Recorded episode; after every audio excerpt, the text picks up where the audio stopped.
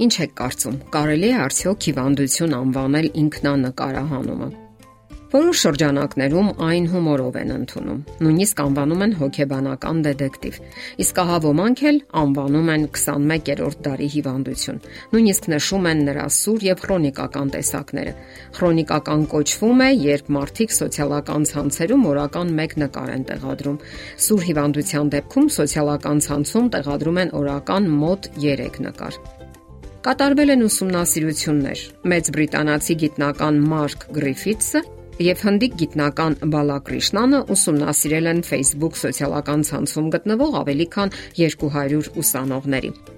Նրանց նպատակն է եղել ողրզել, թե որքանով են այդ երիտասարդները կախված սոցիալական ցանցից, եւ ողրզվել է, որ նրանց մեծ մասը իսկապես լուրջ կախվածություն ունի։ Նրանցից շատերը նշել են, որ այդ կերպ իրենք ուժեղ դրական հույզեր են ստանում։ Որոշները նշել են, որ իրենց շատ է դուր գալիս այդ կերպ առողջ մրցակցությունը, երբ իրենց ընկերներից ավելի շատ նկարներ են տեղադրել։ Նշվում է նաև իրենց անձի շուրջ ուշադրությունը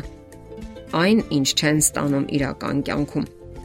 Այդպես նրանք փորձում են նվազեցնել սթրեսի ազդեցությունը։ Շատերն էլ նշում են, որ այդպես իրենք ավելի վստահ են զգում իրենց։ Պատասխանների մեջ նշվել է նաև սոցիալական կարգավիճակի բարձրացումը, տրամադրության բարձրացումը, երջանկության զգացումը, հասակակիցների մեջ իրենց կարևոր անznավորություն զգալը, ինքնագնահատականը բարձրացնելը, ապագայի համար հիշողություններ ունենալը, մյուսներից ավելի լավը երևալու ձգտումը։ Մեկ այլ հոգեբան Միշել Բորբան այն տեսակետն է հայտնում, որ սոցիալական ցանցերում նկարները տեղադրելու միջոցով ճանաչման հասնելու համար պահանջի հիմքում ամենից առաջ կենտրոնացվածությունն է ինքն իր վրա եւ այլոց կարիքներն անտեսելը։ Ահա թե ինչ է գրում հոգեբանը։ Երեխային մշտապես գովաբանում են։ Նա կենտրոնանում է իր վրա եւ մոռանում, որ աշխարհում ուրիշ մարդիկ էլ գոյություն ունեն։ Դրանից բացի, ժամանակակից երեխաները ավելի ու ավելի շատ են կախված իրենց ծնողներից։ Մենք վերահսկում ենք նրանց ժամանակի յուրաքանչյուր րոպեն եւ ընդ որում չենք սովորեցնում այն հմտությունները, որոնք անհրաժեշտ են նրանց հասուն կյանքում։ Սեփական անձով կլանվելը բարերարհող է նարցիսիզմի կամ եսակենտրոնության համար, որը սպանում է կարեկցանքի եւ գթասրտության զգացումը։ Կարեկցանքը կամ էմպաթիան դիմացինի հույզերը հասկանալն է։ Դա նշանակում է մենք, այլ ոչ թե միայն ես։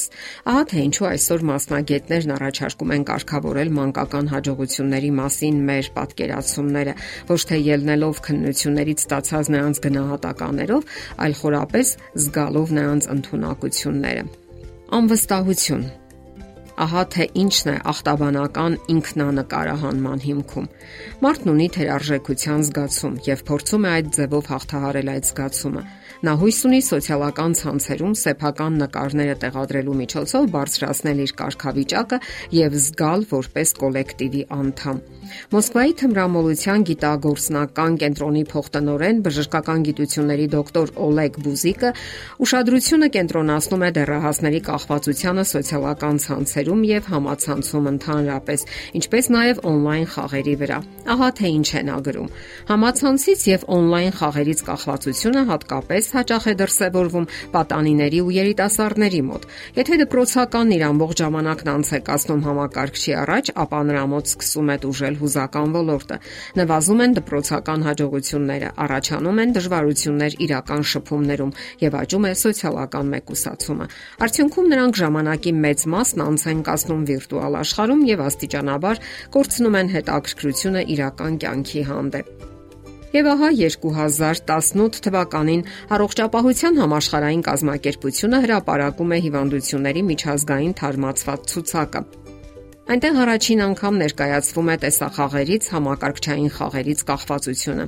Աղետի ծավալները պարզապես ցնցող էին։ Միայն Ռուսաստանում ներգրավված էին 20 միլիոն մարդ։ Մյուս կողմից դժվար է իհարկե հիվանդություն համարել, երբ մարդն օրինակ արցակուրտի մեջ է եւ նկարներ է տեղադրում իր հանգստի վայրից, բնության տեսարաններ է տեղադրում, սակայն երբ մարդիկ զբաղված են նկարներ տեղադրելով, միայն լայքեր ու սրտիկներ հավաքելով, դա արդեն խոսում է հիվանդագին վիճակի մասին։ Ինչ անել այս դեպքում։ Հարկավոր է պարզապես գիտակցել, որ այդ ամենը ժամանակի անիմաստ վատնում է, եթե դու որևէ գաղափար չես քարոզում։ Այդպիսի գաղափար է համարվում կուսակցական քարոզչությունը, կրոնական քարոզչությունը եւ այլն։ Երեխաների դեպքում հարկավոր է ցանկացած եղանակով խրախուսել ու սատարել փոխհարաբերությունների երկխոսության ընտունակությունը։ Ծայրահեղ դեպքում գոյություն ունեն WhatsApp, Viber, Telegram, Signal ծրագրերը, որոնցով կարելի է տեսնել միմյանց, զրուցել, նկարներ փոխանակել։ Որոշ մասնագետներ նշում են նաև շախմատ խաղալը։ Այն հնարավորություն է տալիս խորասուզվելու ինքդ քո մեջ եւ զարգացնում է հայեցողական մտածելակերպ, հայեցողական հնարավորություններ, բարձրացնում է նաև մտավոր ընտունակությունները։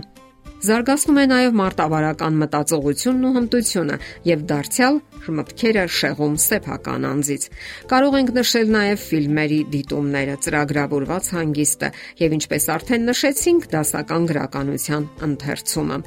Դե ինչ, աշխատեք զբաղվել օգտակար գործունեությամբ, որը օգտակար կլինի թե ձեզ, թե ուրիշներին։ Եթերում առողջ ապրելակերպ հաղորդաշարներ։ Հարցերի եւ առաջարկությունների համար զանգահարել 033 87 87 87 հեռախոսահամարով։